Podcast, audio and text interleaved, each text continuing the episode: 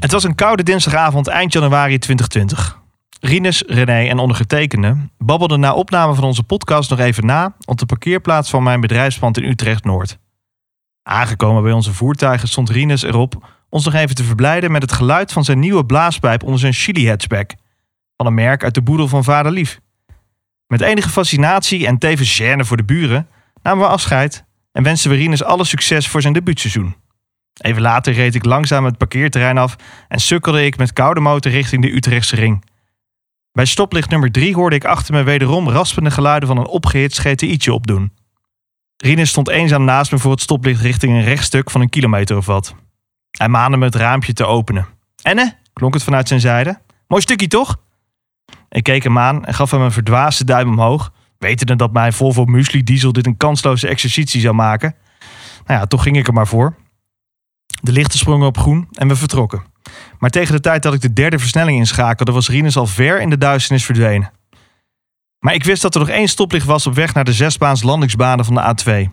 Daar aangekomen minderde ik vaart en zag de achterlichten van zijn Amerikaans-Duitse gebakje weer opdoemen. Ik kwam langs zij en wederom met open raam wenste ik hem nogmaals een mooi seizoen. Hij gaf een onverstaanbare kreet terug, tezamen met een knipoog en reed rechtsaf de polder in richting Hoofddorp. In mijn achteruitkijkspiegel zag ik zijn hothatch nog net onder het maanlicht verdwijnen. Zo dacht ik, heb ik toch maar even mogen racen met een toekomstig IndyCar-winnaar. Green, green, green, green. We're four wide going into turn number one. Harry Lyondike wins the Indianapolis 500. His very truck just came up. CJ around the outside in the carousel. Are you kidding? What a move! Dit is Green Green Green, de podcast. Met René Hoogterp, Jeroen Demmendaal en Frederik Middelhof. Ja, daar zijn we weer, mannen. We wisten dat het allemaal een keer ging gebeuren. En eh, nou, afgelopen weekend was het dan eindelijk zover. De eerste overwinning van eh Rinus van Kalmthout, Rinus VK in de IndyCars. Jawel, Jeroen, jij was natuurlijk ijzig kalm die laatste 20 ronden. Ja, ik was eh, kalm als een eh, kabbelend bergbeekje uiteraard. Ik ben daar sowieso heel goed in, hè? in eh, mijn zenuwen in bedwang houden. Nee joh ik, joh, ik had het niet meer. Wat een spanning man. Ik zat echt te stuiter op de bank. En, en, ik, en op een gegeven moment begon ik de ijsberen door de keuken. En mijn vriendin die zei, wat ben je allemaal aan het doen? Ik zeg, nou hij ligt vooraan. Hoe lang is het nog? Ik zeg, nog twaalf ronden. Ik zeg, vertel me even wanneer het voorbij is. Nee, is veel te veel spanning. René, heb jij nagedacht wat voor anekdotes de geschiedenisboeken ingingen? Van jouw kant? Oh, op die manier. Nee, nee, nee. Nou, het, het grappige Yo is... hey, ik yo ging- ho, dat soort dingen? Ja, nee, ja, precies. Ja. Nee, ik, ging, ik, ik stapte in de auto richting Hilversum. En ik had opeens het idee, het gaat gewoon gebeuren. Het gaat vanavond gewoon gebeuren. Het, is echt waar. En Dat, dat, dat, ik, ik, ik had een soort, nou, ik wil niet zeggen een visioen, maar ik dacht wel, van, ik, ik heb zomaar het idee dat het vanavond gaat gebeuren. Volgens mij zei ik het ook eh, aan het begin van de uitzending. Ik zei het tegen de producer en tegen de geluidsman. Ik heb het idee dat het een hele mooie avond gaat worden. Ik hoop dat ik vaker dat soort, eh, dat, dat soort visioenen mag hebben. Geweldig. Ja, echt. Doe dat echt over twee weken nog een keer. Precies, ja, precies, ja. Echt heel mooi, heel mooi. Hey, en Geweldig. René, moeten we het eh, überhaupt nog hebben over die doubleheader in Texas? Nee, toch? Waar? Wat? Texas? Nee. Texas? Nee joh, nee joh, ben je gek. Nee joh. Kijk, het leuke is natuurlijk Texas, zo- zo'n doubleheader. eh van tevoren denk je van oké, we gaan het hebben over en Texas. En dan eh, ja, die Indianapolis Road Course, wat een beetje een laf voorgerecht is op die 500 natuurlijk. Maar ja, dan krijg je zo'n geweldig weekend. Nee hoor, we gaan het gewoon lekker over eh, die heerlijke eerste overwinning van Rinus hebben hoor. Absoluut. Kortom, dit weekend werd er vaderlandse autosportgeschiedenis geschreven. Luister maar even mee. Grosjean vanaf zijn eerste IndyCar pole. En het is green, green, green op Indianapolis. Een beetje contact met Connor Daly. Daly die daar in het eh, gras moet duiken. Het is VK dan wel opgeklommen. 1, 2, 3, 4, 5, 6. Eén plek naar voren. En dat dus ten koste van zijn teamgenoot. En dus gaat linksboven in beeld. Daar zagen we hem. Rinus van Kalmthout. Dit is Rossi, dit is VK. Dit soms zijn niet altijd even lekker. Natuurlijk wil je nu brood. Oh nee, nee, gaat weer. Nou, het was linksachter. De monteur linksachter zei van nee, kan niet. Oh, toch wel. Niet echt heel overtuigend eerlijk gezegd. VK voorbij aan McLaughlin. Dit zijn de rondes waar het om gaat. Nu heeft hij eventjes vrije lucht. En vrije lucht is in dit geval een seconde of vier. Daar kunnen namelijk heel veel auto's tussen komen. Dat is precies wat je niet wil hebben. Nou, we zagen dat Newgarden niet echt een tempo had op die eh, hardere bandencompound. VK overigens ook op verse rood. En er is hij er alweer voorbij. Ja, zo, gaat het dan. Van Kalmthout voorbij aan de tweevoudig kampioen. En dus naar 9. Absoluut snelste ronde ook over een paar ronden geleden neergezet door uh, Rinus van Kalmthout. Is toch wat twijfel bij eh, Dixon. Over de boordradio vraagt hij van... Hey, ik snap het eventjes niet. Ik dacht dat we op deze wijze juist een pitstop wilden uitsparen. Wat ik dus net al leuk loop te verkondigen... dat hij dus nu nog maar één keer naar binnen moet. Maar Mike Hull, dat is zijn eh, strategische man... zegt hij is, eh, dat dat waarschijnlijk nog niet gelukt is. Rinus gaat deze ronde naar binnen komen. Een relatief korte stint, 23 rondes. VK is binnen, buiten beeld, ronde nummer 37. Harvey van rood naar rood. Oh, oh, oh, gaat niet goed. Rechtsachter niet vast. Twee Genesis. Rinus heeft er totaal geen tijd voor. En de zone voorbij. Dus die vierde positie voor Rinus van Kalmthout. Lekker hoor. Grosjean binnen. En rechts in beeld is het dus eh Rinus VK. En dus zitten zij nu bijna op dezelfde strategie, gek genoeg. Er zit maar zeven ronden tussen. Grosjean krijgt te horen, VK achter je en is op positie. En hier heeft hij menig man ingehaald. Bijvoorbeeld ook Colton Hurta. En dus moet hij hem nu aan de binnenkant zetten. En zo pakt VK de plek over van Romain Grosjean. En dat is op dit moment dus plaats 3. Belangrijk. Heel erg belangrijk voor track precision. VK dus op podiumkoers. Als je na ronde nummer 56 je stop maakt, dan kun je hem uitrijden. Maar moet Dixon nog naar binnen? Dat is de grootste en belangrijkste sleutel. En anders heeft VK hier misschien wel echt een hele, hele belangrijke interactie gedaan op eh, Romain Grosjean. Gaat Dixon het redden? Als Dixon het niet redt, dan hebben we zojuist misschien een race-winning move gezien. Dixon is naar binnen. En hij zal dus zo dadelijk nog een keer moeten. En dat betekent dat VK nu op 9 seconden van Hunter Ray zit. En Hunter Ray moet ook zo dadelijk nog een stop maken. En dus rijdt VK inderdaad zo dadelijk aan de leiding van de wedstrijd. En dat is ook gewoon een legit leiding van de wedstrijd. En zie ik dat Hunter Ray naar binnen gaat. Kijkt u eventjes linksboven in beeld. Niks met pitstops, niks alternatieve strategieën. Maar Rinus van Kalmthout leidt hier op Indianapolis. Deze jonge knaap ging bewust naar de VS. Hij ging bewust de Amerikaanse raceschool bewandelen. God, wat hebben ze dat geweten, hè? Vocht zich op naar de absolute topklasse hier. En als Rookie of the Year komen we weer aan op Indianapolis. Hij hoort nu echt bij de grote mannen. Neem je hoed af, maak een bogen, een buiging. 15 mei moet de nationale autosportfeestdag worden. Want de nieuwste Nederlandse raceheld heet Rinus van Kalmthout. Bring it in, bring in. Yeah! Yeah! Rinus wint in Indianapolis. Finally. 15 mei. Alsof het zo moet zijn, jongens. Alsof het zo moet zijn. Rinus VK wint. Ja, Gaaf man. absoluut hoor. Eerst even terug dan eh, naar die Indy GP inderdaad. Wie deed het goed? Wie viel er tegen, mannen? Eh, ik leg hem even bij jou. Want Romain Grosjean, René, Pol, tweede plek. Hmm. Helemaal niet verkeerd, toch? Nou, het, het, het mooie is, het was natuurlijk al een, eh, een, een nieuwswaardig weekend. En dat begon natuurlijk al op de vrijdag met die geweldige pole position van Romain Grosjean. En het ook, ook niet gestolen of zo. Romain zat er gewoon en zit er gewoon het hele weekend. Zat hij er gewoon heel erg goed bij. Een geweldige pole position. En, en, en toen dachten we dat dat het verhaal van het weekend zou zijn. En het is nog steeds een geweldig verhaal. Hè. Ik bedoel, het feit dat je een half jaar geleden, of niet eens een half jaar geleden, denkt dat eh, je laatste seconde geteld is. En dat je dan in je derde kwalificatie, want dat is het natuurlijk voor eh, Romain, zo'n prestatie neerzet. Ja, ik vond, het, eh, ik vond het heel erg mooi. En het is natuurlijk ook mooi omdat Romain Grosjean zo in de media natuurlijk, eh, nou ik wil niet zeggen gehyped wordt, maar het, het was lekker voor de IndyCar Series in het algemeen dat Romain eh, pol had. Dus misschien wel de halve Formule 1 paddock, die ging dus ook kijken zaterdagavond. Ja, en dan zie je ja. dan opeens een Nederlands ventje die wedstrijd winnen. Ja, mooi hoor. Waanzinnige Eh. foto ook na afloop op het podium. Hebben die gezien? Waarbij die, eh, die, die Oh, foto die focust op zijn hand. Terwijl hij de beker vasthield. Wel Echt, echt een waanzinnig mooie foto. Ehm, Alex Palou, die is volgens mij ook wel redelijk aan het vestigen daar vooraan, hè? in Het kampioenschap. Ja, eh, Alex Plo was weer gewoon heel sterk. Ehm, ik bedoel, ehm, eh, wederom, ik, ik ga het weer toegeven. Ik was van tevoren, eh vooraan van dit seizoen, helemaal niet zo zeker of hij wel meteen er zou staan. Maar hij staat nu gewoon tweede in het kampioenschap. Achter zijn leermeester Scott Dixon. Ganassi 1 en 2. Eh, hij werd gewoon weer derde en eh, wederom niet gestolen. Nee, gewoon echt op kracht. Ehm, hij, eh, afgezien van die, van die misser in St. Petersburg, waar hij natuurlijk een technisch malheur heeft, rijdt hij gewoon constant in de top 10 mee. Eh, en vaak zelfs gewoon in de top 5. Dus ja, hij doet het uitstekend. Ehm, René, Penske, wat vond je daarvan? Ook op zich weer solide, toch wel? Nou ja, het is solide, maar eh, volgens mij was het tot die race van afgelopen weekend zo dat er elke keer een Penske tweede werd, maar nog niet won. En nu nog steeds niet. Dus eh, na vijf races nog steeds droog staan. Dat is voor de captain eh, zeker niet iets wat hij eh, graag vaker wil zien.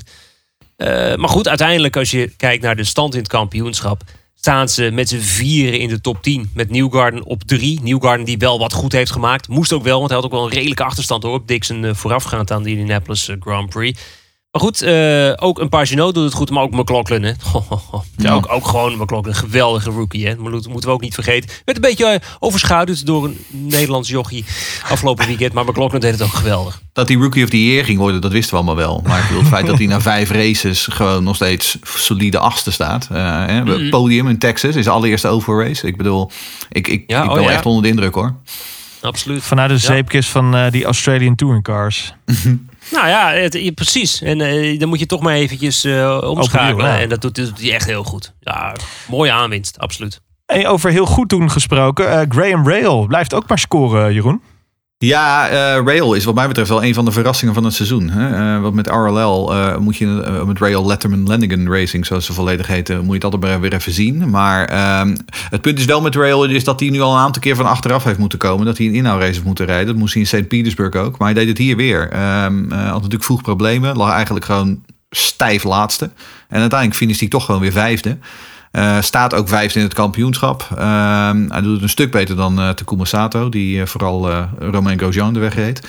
Ehm, maar ehm, ja, nee, ik, eh, Rail, de, de, de, toch wel een veteraan inmiddels, die, die is lekker begonnen het seizoen. Team dat niet echt lekker begonnen is dit seizoen is toch wel het team van Andretti, hè? Ja, zo. Het is toch echt ongelooflijk. Eh, natuurlijk, Colton Hurta die, die redt het dan nog een beetje. Maar Ja. het, is ook een beetje, het kan vriezen of dooien bij Hurta. Natuurlijk ontzettend dominant was hij in, eh, in St. Piet. We weten niet wat hij in Barber had kunnen doen als hij niet betrokken was bij die crash. Nou, allemaal goed. Maar uiteindelijk is het plaats 10 nu voor Colton Hurta. Rossi staat 14e. Hunter Ray, ja, die doet ook nog mee. Staat 17e. En Hinchcliffe, ook totaal onzichtbaar afgelopen weekend. En staat 20ste. Hinchcliffe, ja, het is, Ja. het is echt niet best. Echt niet best bij Andretti. Ehm, en Jeroen, een vraag aan jou. Gaat het ook nog goed komen met Felix Rozenquist?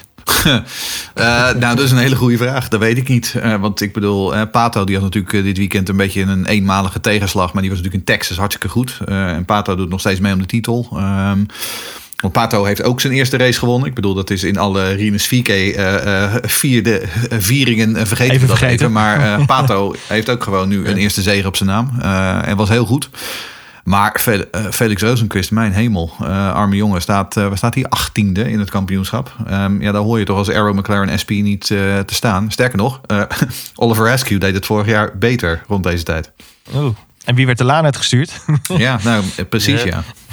ja. ja, precies. Ehm Sebastian Boudet. Ik wil geen, eh, ik wil geen gel- vergelijking trekken met de laan uitsturen. Maar ja, is de magie uitgewerkt tussen hem en eh Voigt? Nou ja, kijk, kijk Boudet is wel degene die daar de kar moet trekken. Laten we daar ook heel, heel duidelijk over zijn. Ja, hij was natuurlijk sterk in, eh, in, in Barber. Was ook gewoon wel sterk in St. Piet. Maar ja, de afgelopen drie resultaten gewoon ver buiten de top 15. Eh 24e, 19e, 19e. Natuurlijk kreeg een tikkie mee. Een zetje van achter in Texas in die eerste race. Dus, maar ehm, het, het zit even niet- ook, het zit ik. even... Ja, nee, ja, tuurlijk. Ja, maar, ja, absoluut. Ja, nee, het was gewoon een waardeloos, het was gewoon een waardeloos weekend. Gewoon een waardeloos weekend. duidelijk over zijn.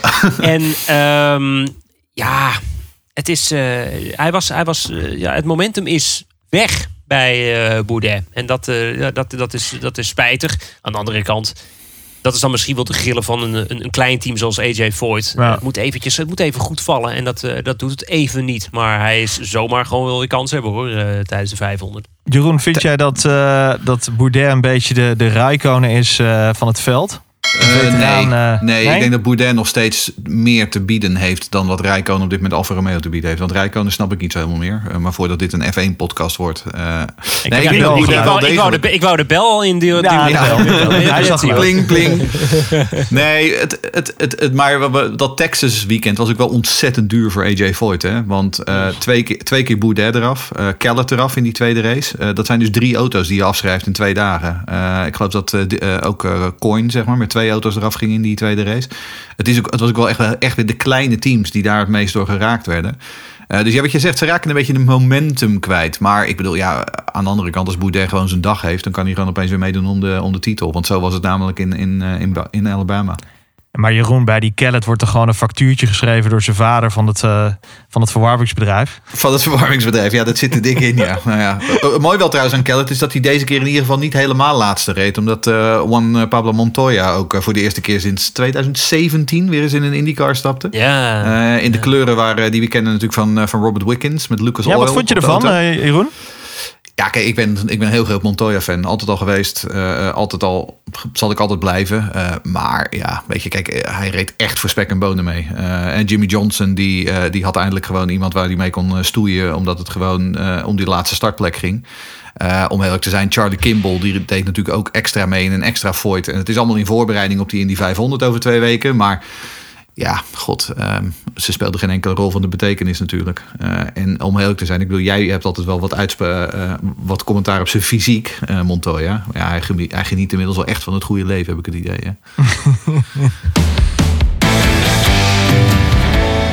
Nou, zullen we het feestvarken maar eens bij halen dan? hier is hij, de enige echte kerstverse winnaar van de GMR Grand Prix op Indianapolis. Nummer 6 in het kampioenschap.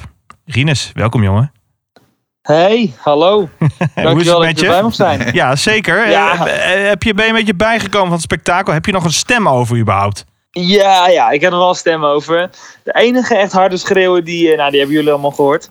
Voor de rest was het uh, ja, ja, ja, in de was... auto. Uh, de rest van de, van de, out, uh, out, van de inlap was het nog een beetje huilen. En ja, gewoon op social media, ja, er is, zoveel gebeurd. Het is meer dat ik echt, dat elke keer als ik mijn telefoon open, dan zijn er weer honderden berichtjes binnen. Maar echt superleuk. En hoe, is, uh, hoe was de cheesecake na afloop? Want dat mocht nu, hè? Ja, nou we gingen dus uh, heel leuk naar een restaurant die geen cheesecakes op het dessert had staan. dus um, ik heb een hele grote Amerikaanse steak gegeten. En um, toen als uh, toetje een gewoon ja, lekker bolletje vanille-ijs, altijd goed. Hey, wat leg eens uit? Dat, dat, dat, was een soort van weddenschap, toch? Dat als je dan uh, een race zou winnen, dat je dan zeg maar mocht afwijken van je dieet of zo, toch? Ja, ik had het vorig jaar uh, met Round als deal met, uh, met een podium. Hadden we dat. uiteindelijk heb ik ook vorig jaar maar één cheesecake op. Of één stukje. dus ik had nu al weer, ook wel zin erin. Maar nee, nee, nee. Ik, over twee weken heb ik wel wat te winnen. Dus als ik die win, dan mag ik denk ik gewoon een hele taart.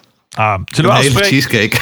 Rinus, zullen we afspreken dat als jij komende winter hier weer bij ons in de studio bent, dat wij gewoon voor jou een hele mooie cheesecake maken? Ja, dat vind ik prima. Dan, ga je lekker, dan gaan we cheesecake eten met Rinus. Ja, precies. We kunnen een hele mooie special van maken. En we kunnen ook misschien wel een andere podcast-reeks van ontwikkelen. Hey, daarover gesproken, hoe is het met de mediagekte? Ja, uh, gekkenhuis natuurlijk. Zeker uh, in Nederland, maar ook in Amerika. Um, ja, gewoon mega aandacht. Uh, zoiets had ik nooit kunnen verwachten eigenlijk. Maar ook qua, ja, qua volgers en zeg maar gewoon media activity zeg maar om mij heen is het gewoon, uh, het blijft doorgaan. Merk je dat nu ook al voor de, hè? je bent natuurlijk in de voorbereiding op de grootste race van het jaar. Merk je al dat, nou laten we zeggen die paar uur die je misschien dan vrij hebt, dat die dan nu ook worden ingevuld? Um, nou, dat valt op zich wel mee hoor. Ik heb uh, bijvoorbeeld gisteren, ik heb nog gewoon 100 kilometer gefietst met Round. Al was het uh, de dag na de race en was het best wel druk. Maar uh, ja, en vandaag uiteindelijk, het, ik voel me nog best normaal eigenlijk. Ik kan gewoon doen wat ik normaal doe. En ja, af en toe een interviewtje ingepland. Maar het valt op zich redelijk mee.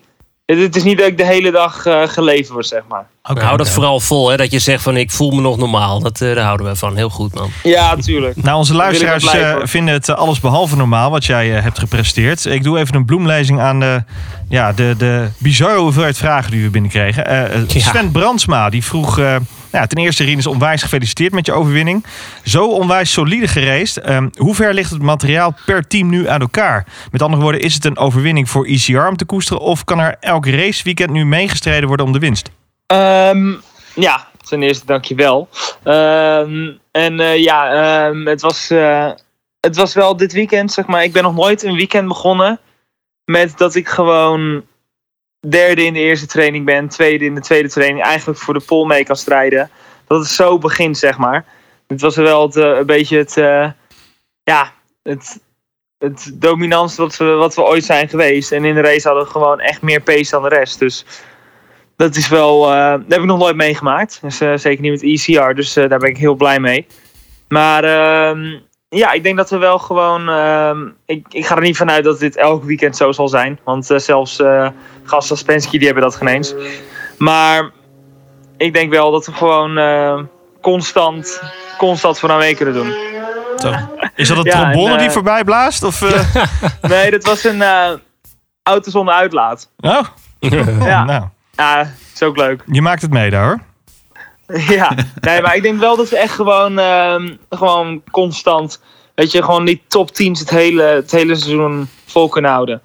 En de ene keer zal dat een, eh, ja, weer een negende plek kunnen zijn. De andere keer zal het weer eh, voor de overwinning kunnen zijn of een podium. Maar ik denk wel dat, ehm, dat minimaal constant een, eh, een top 10 mogelijk is. Ja, je hebt ook momentum nu natuurlijk. Hè? Dat is heel erg belangrijk.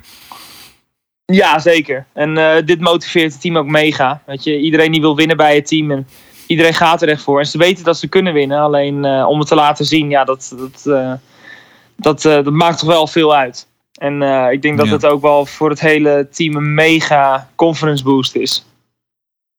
Hey, wat de Remco die vraagt ons. Die zegt vanaf welk moment in de race wist jij dat je hem echt kon gaan winnen? Ehm, ja, ik dacht het eigenlijk voor de race. Dacht ik, ja, er zit minimaal een podium in. Eh, ik wist gewoon dat ik echt heel veel pace had. Ik was alleen heel benieuwd hoe dat zou zijn op de rode band. Aangezien, eh, aangezien ik in de warm-up alleen een lange stint had gedaan op de zwarte band. Maar ehm, ja, we zijn op de, op de data en het gevoel van eh, de Harvest GP afgedaan, afgegaan. En ehm, toen, zeg maar, naar die laatste pitstop, dat ik de pitstraat uitkwam en zo'n gat had naar Grosjean. Toen dacht ik van, ja, als er nu niks, eh, geen, geen gekke dingen gebeuren, dan, eh, dan blijft dat zo. Maar toen eh, begon het wel te spetteren. Maar ik ging, ik, op een of andere manier had ik wel het gevoel dat het gewoon niet door ging zetten. En dat het gewoon goed zou komen. Ja, er is een vraag binnengekomen. En dat is misschien wel de- echt de, de aloude sportvraag eigenlijk. Want Sander Wolbert, die eh, natuurlijk ook hij feliciteert je met je eerste IndyCar-overwinning. En hij vraagt, kun je beschrijven wat er door je heen ging? En vooral die laatste ronde. Je zei het al eventjes kort, maar wat ging er nou precies door je heen? Eh, ja, nou, de laatste 20 rondes had ik al tijd om na te denken. Want eh, ik had best wel goed gat. En steeds dacht ik na van, oh, oh. dan hoorde ik zeg maar die stem van die, ja, van René. Eh, zeggen dat ik, eh, dat ik de race ging winnen. En toen dacht ik, nee, nee, nee, blijf focussen. Maar ehm, nou, uiteindelijk, ehm, ja, die laatste ronde, toen eh, kwam ik over de finish. Het was wel echt... Ik was wel blij dat ik eindelijk over de finish heen, ging. Want ik vond het ook wel goed geweest. Maar ehm, nou, het was zoveel emotie gewoon. Het was gewoon een soort. Ik kreeg meteen zo'n flashback naar al het, al het harde werk van de afgelopen. Nou, wat is het? Minimaal vijf, vijf jaar. En gewoon tien jaar in tien jaar dat we er al eh, naar vooruit werken. En eh, ja, dat is gewoon voor de hele familie, het hele team, iedereen een mega ja, beloning. Hey, ehm Rien is een vraag van Rick Berendonk. Eh, hij heeft er een paar. Eh, welke invloed had de tegenvallende kwalificatie, gezien de trainingen, eh, op je, jouw racestrategie? En eh, de vraag ook, heb je de pitstop crew extra laten trainen deze winter? En nog een derde vraag, Ehm. is je seizoen nu al geslaagd? Ja, ik, eh, mijn seizoen is eigenlijk al geslaagd, ja. Eh, ik wil eh, in ieder geval een overwinning eh, behalen. Die heb ik behaald. Ehm, maar ja, we, kunnen het nog mooier maken, dus daar ga ik natuurlijk wel voor. Ehm, maar ik denk dat het zo, als ik nu naar de seizoenstart kijk, is het al, ja, waar ik een beetje van, van had gedroomd, zo. Ja, ik, ehm, ik vond eigenlijk wel, omdat ik zevende startte, ehm, zijn we voor een iets eerdere pitstop gegaan. Om een beetje een undercut te maken op de rest en eh, om, eh, om zo ehm, ja, tijd, eh, tijd te winnen, zeg maar, met, met nieuwe banden op, in vrije lucht. En dat hadden we denk ik niet gedaan als ik in de eerste twee rijen had gestart. Dus misschien heeft het ook wel geholpen. En die pitstops zijn wel een stuk beter geworden. Die eerste pitstop hoorde ik René zeggen, ik heb de race teruggekeken. Die duurde wat langer omdat ik best wel veel vleugel erbij moest naar de rode band toe. Dus dat duurde even wat langer. Maar ehm, ja, eigenlijk, eh, de pitstops gingen heel goed. We hebben veel getraind in de off-season. En ook in de warm-up in, eh, in de ochtend ehm, hadden we eigenlijk hele goede pitstops. Waar ik echt, eh, toen we pitstop training deden, echt met alle rijders bij elkaar, pakte ik elke pitstop twee, drie jongens. Dus nee, is veel beter geworden. Hey, eh, Danny van der Loo die vraagt: hoe komt het nou eigenlijk dat jij altijd op die Indianapolis Road Course zo goed gaat? Hè, want ik vorig jaar hier natuurlijk je eerste pole en je eerste podium, nu dan die eerste overwinning. Eh, wat is dat met die baan? Ik zou het niet weten. Ehm, nee, het is wel een, eh, ja, het is een baan die me wel ligt. Harde remzones en ja, toch wel, toch een beetje die 90 graden bochten die me goed liggen. En het is wel een baan waar, eh, waar je goed kan inhalen, waar veel mogelijk is. Zelfs eh, als je een beetje van achteraan kan komen. Dus ehm, ja, ik denk dat dit wel een baan is die mijn rijstijl, ja, die goed aansluit op mijn rijstijl. En ik denk dat, eh, dat het team gewoon een hele goede auto hier heeft. Als je kijkt naar Connor, die was ook gewoon echt snel in de kwalificatie. Absoluut. Ehm, wat mij opviel, na de finish riep jij finally. Jouw vader zei van, goh, ik had niet verwacht dat het zo snel ging. Eh, en eh, Constant Heestermans, die heeft er ook een mooie vraag over. Die zegt van, heb je nou ook echt het gevoel dat het eindelijk pas is? Want eh, zo, zo voelt het alsof het heel lang heeft geduurd. Maar ja, het is je vijfde race in je tweede seizoen. Dus het valt eigenlijk best wel mee, toch? Ja, klopt, klopt. Iedereen moest er ook een beetje op lachen. Maar ja, weet je, vanaf race 1 doe ik mee om, om te winnen. En ehm, ja, dus je wilt dat zo snel mogelijk doen. Dus eh, ja, ik ben gewoon, ja, eindelijk, weet je wel. Is, ehm, we zijn best wel vaak dichtbij gekomen. Net als Iowa vorig jaar. En toen, eh, ja, weten jullie wel wat, eh, wat gebeurde. Maar dat was natuurlijk, ja, dat was, dat was allemaal jammer. Maar nu uiteindelijk, ja, dit moment, die timing, alles bij elkaar, was, ja, dat neemt niemand meer af.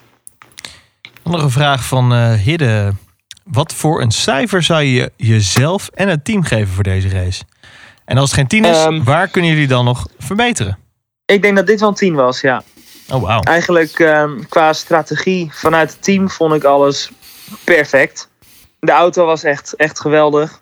Ik denk dat het ook wel een beetje de beste race is eh, die ik ooit heb gereden zelf. Had je zelf ook nog wel wat zeggenschap zeg maar, in, die, in het bepalen van die strategie? Hoe werkt dat van tevoren? Ehm, ja, zeg maar de dag van tevoren zaten we al een beetje eh, te dubben over wat we gingen doen. Twee stop of drie stop. Ehm, en eh, ja, ik was vond eigenlijk wat we vorig jaar deden met eh, toen, toen ik vijfde werd vanaf de achttiende plek. Dat, ehm, ja, toen deden we ook echt een hele vroege stop en konden we heel veel tijd wel goed maken. Dat, dat werkte hier echt heel goed. En ik wist, weet ook dat ik op mezelf heel snel ben, ben hier. Dus eh, toen hadden we dat gedaan. En ehm, ja, uiteindelijk, iedereen zat ook een beetje op één lijn. En het was een heel, hele makkelijke beslissing. En we waren ook nog een beetje aan het twijfelen over waar, op eh, welke band we gingen starten. De zwarte band of de rode band. En eh, ik wist al tijdens de Harvard GP was ik eigenlijk heel slecht op de zwarte band. Dus die wilde ik zo snel mogelijk er doorheen hebben en door naar de rode band. En zo dacht het team er ook over. En ja, toen, ja, uiteindelijk is dit race winning strategy. Ehm, nou, we hebben nog een vraag van Tom Plaum ook. Die uiteraard feliciteert je ook. En die zegt, eh, ik hoop dat dit de eerste is van velen eh, qua overwinningen. Ehm, hij zegt, het kampioenschap ligt nu na vijf races heel dicht bij elkaar. Je staat nu natuurlijk zesde in de stand. Ehm, en hij vraagt zich af, hoe realistisch is het dat je mee kan doen om de titel? Ja, natuurlijk. ik hoop dat ik, eh, er nog een paar pak, zo snel mogelijk.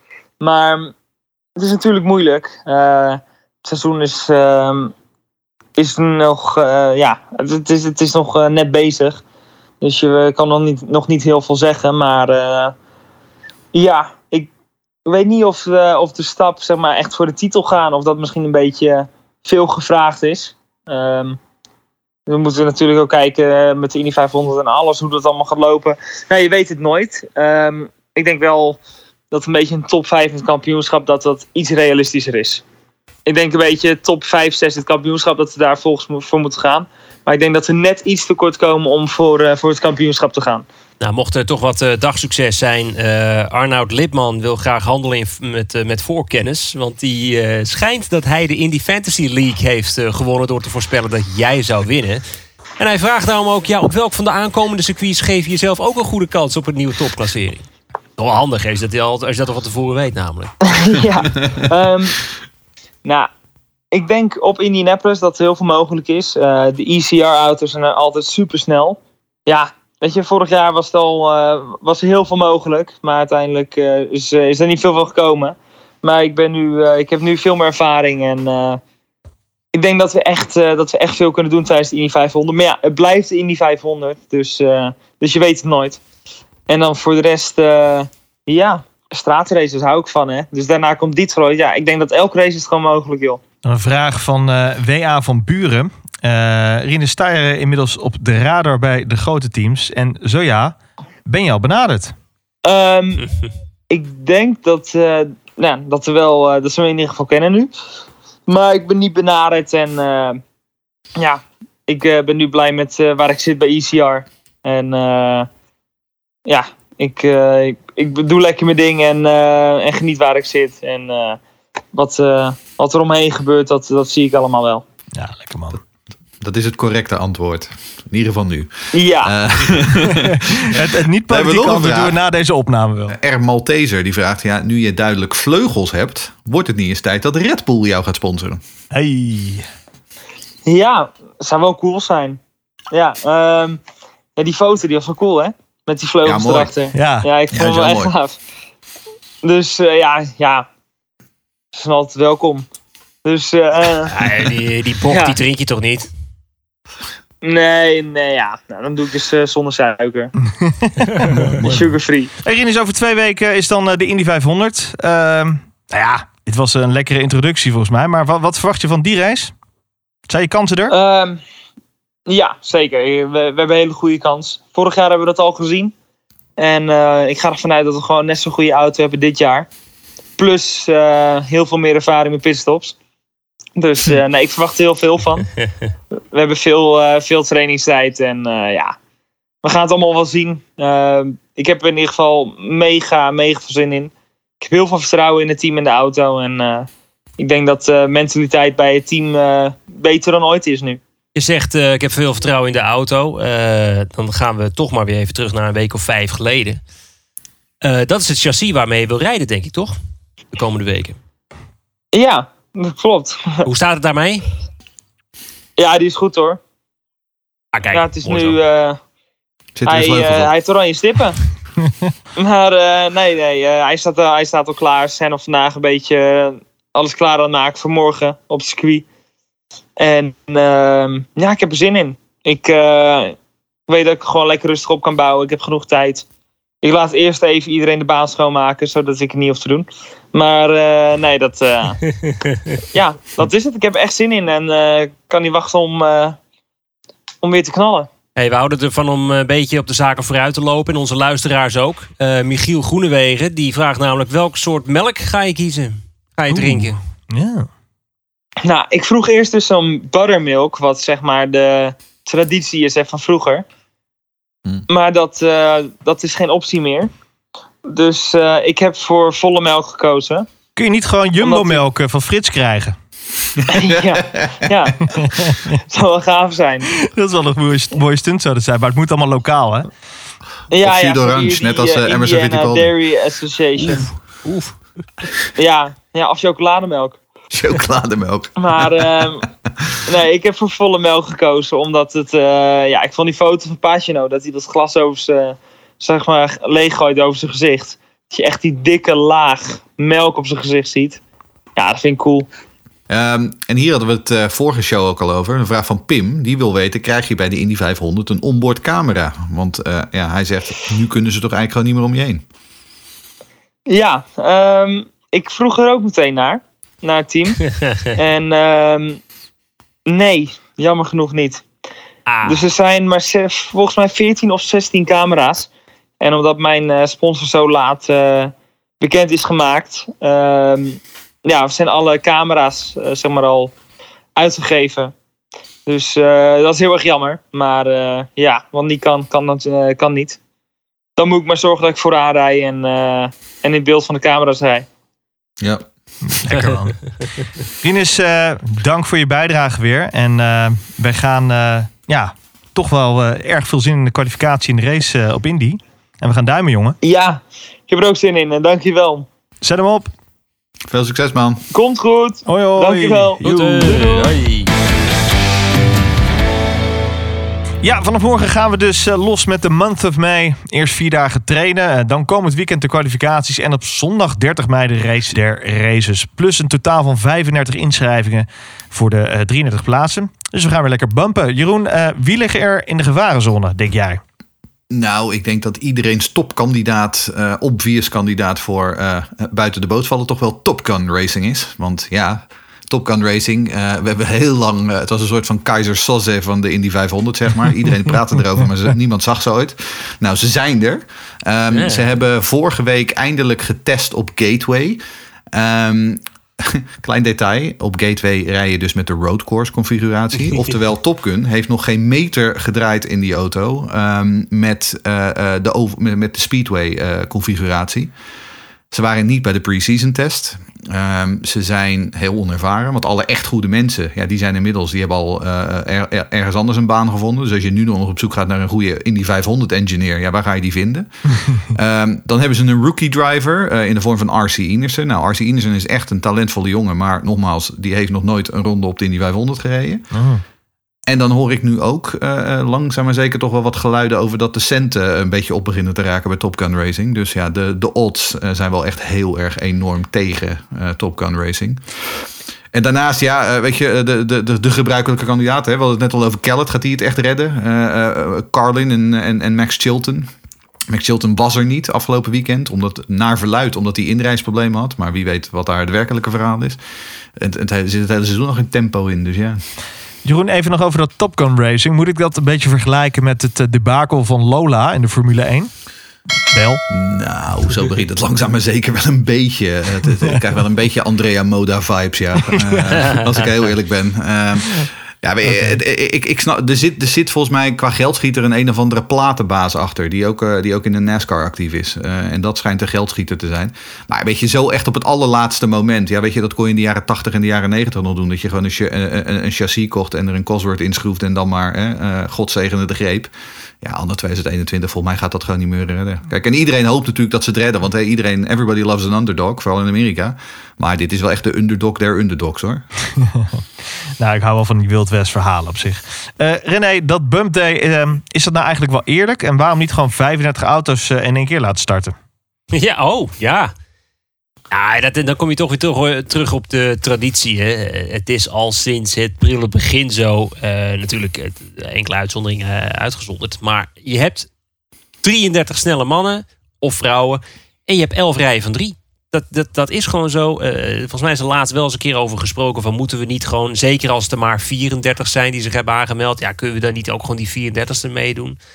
Ja, nee. Nee, gewoon niet. En, eh, en, en eh, wat Jeroen net ook al heel terecht zei. Het is eh, natuurlijk, iedereen houdt van een underdog.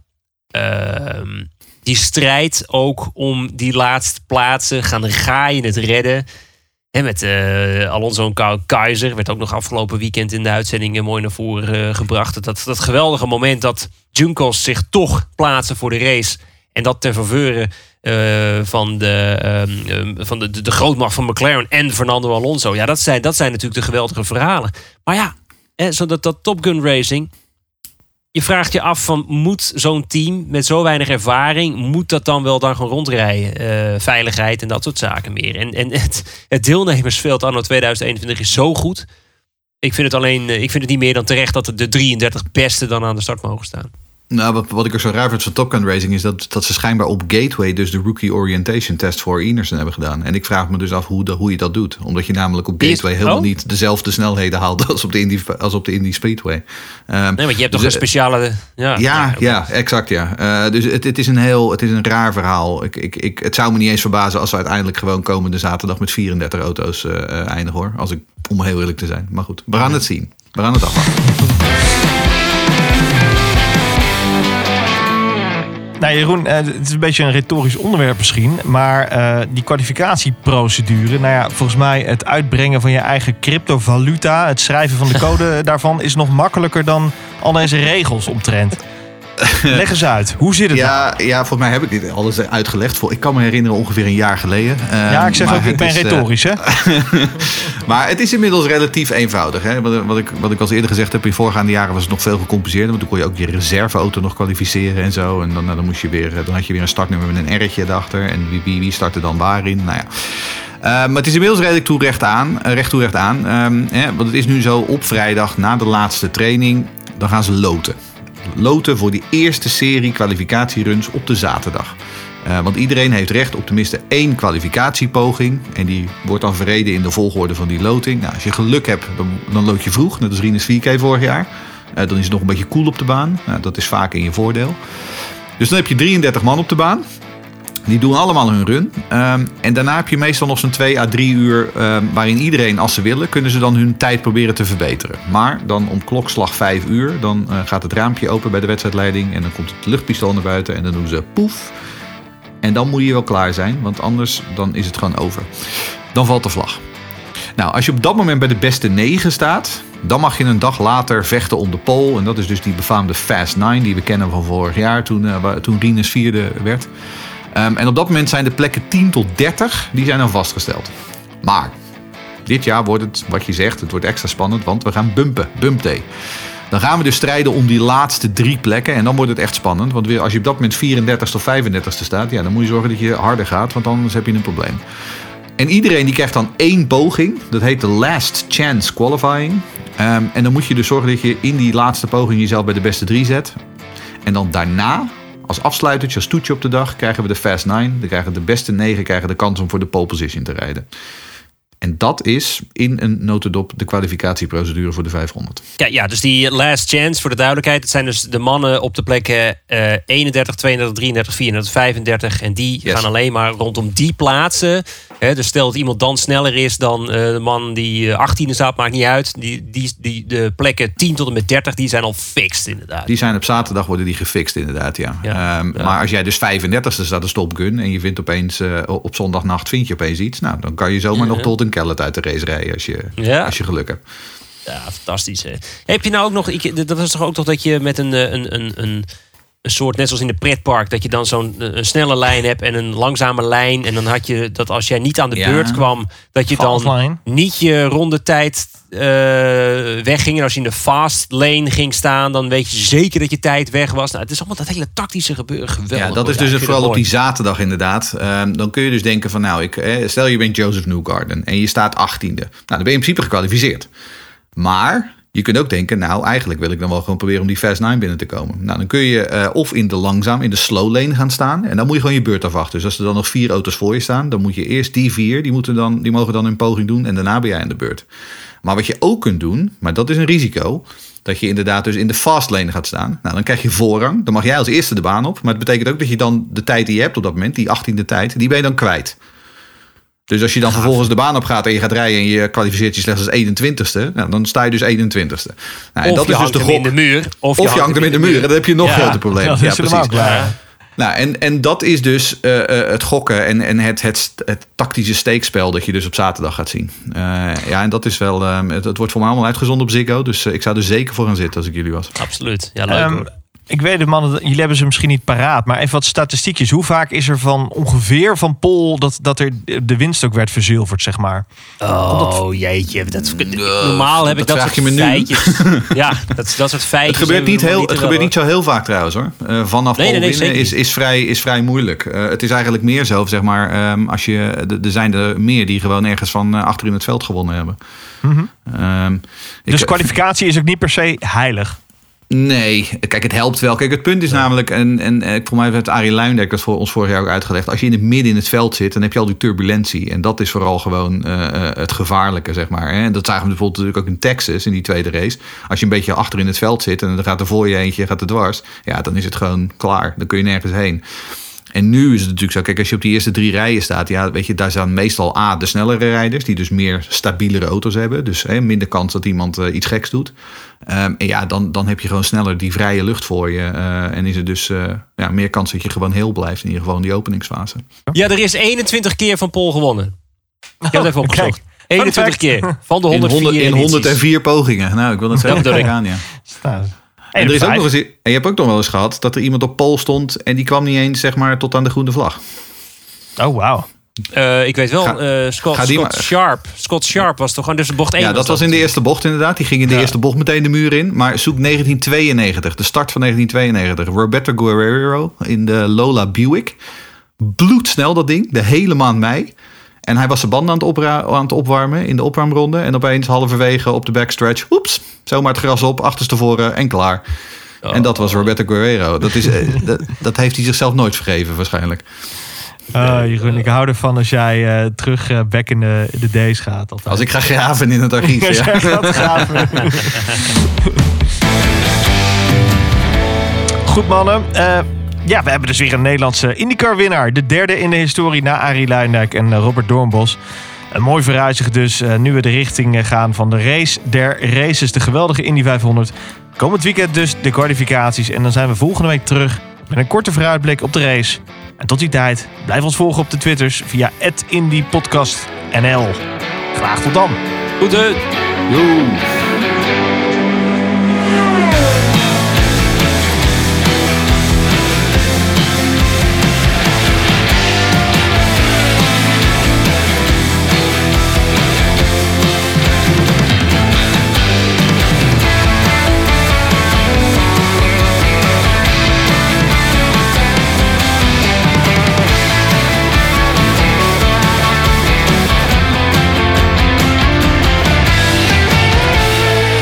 al het laatste IndyCar nieuws van Green Green Green op Twitter via @indypodcastnl en abonneer je op Green Green Green via je favoriete podcastplatform.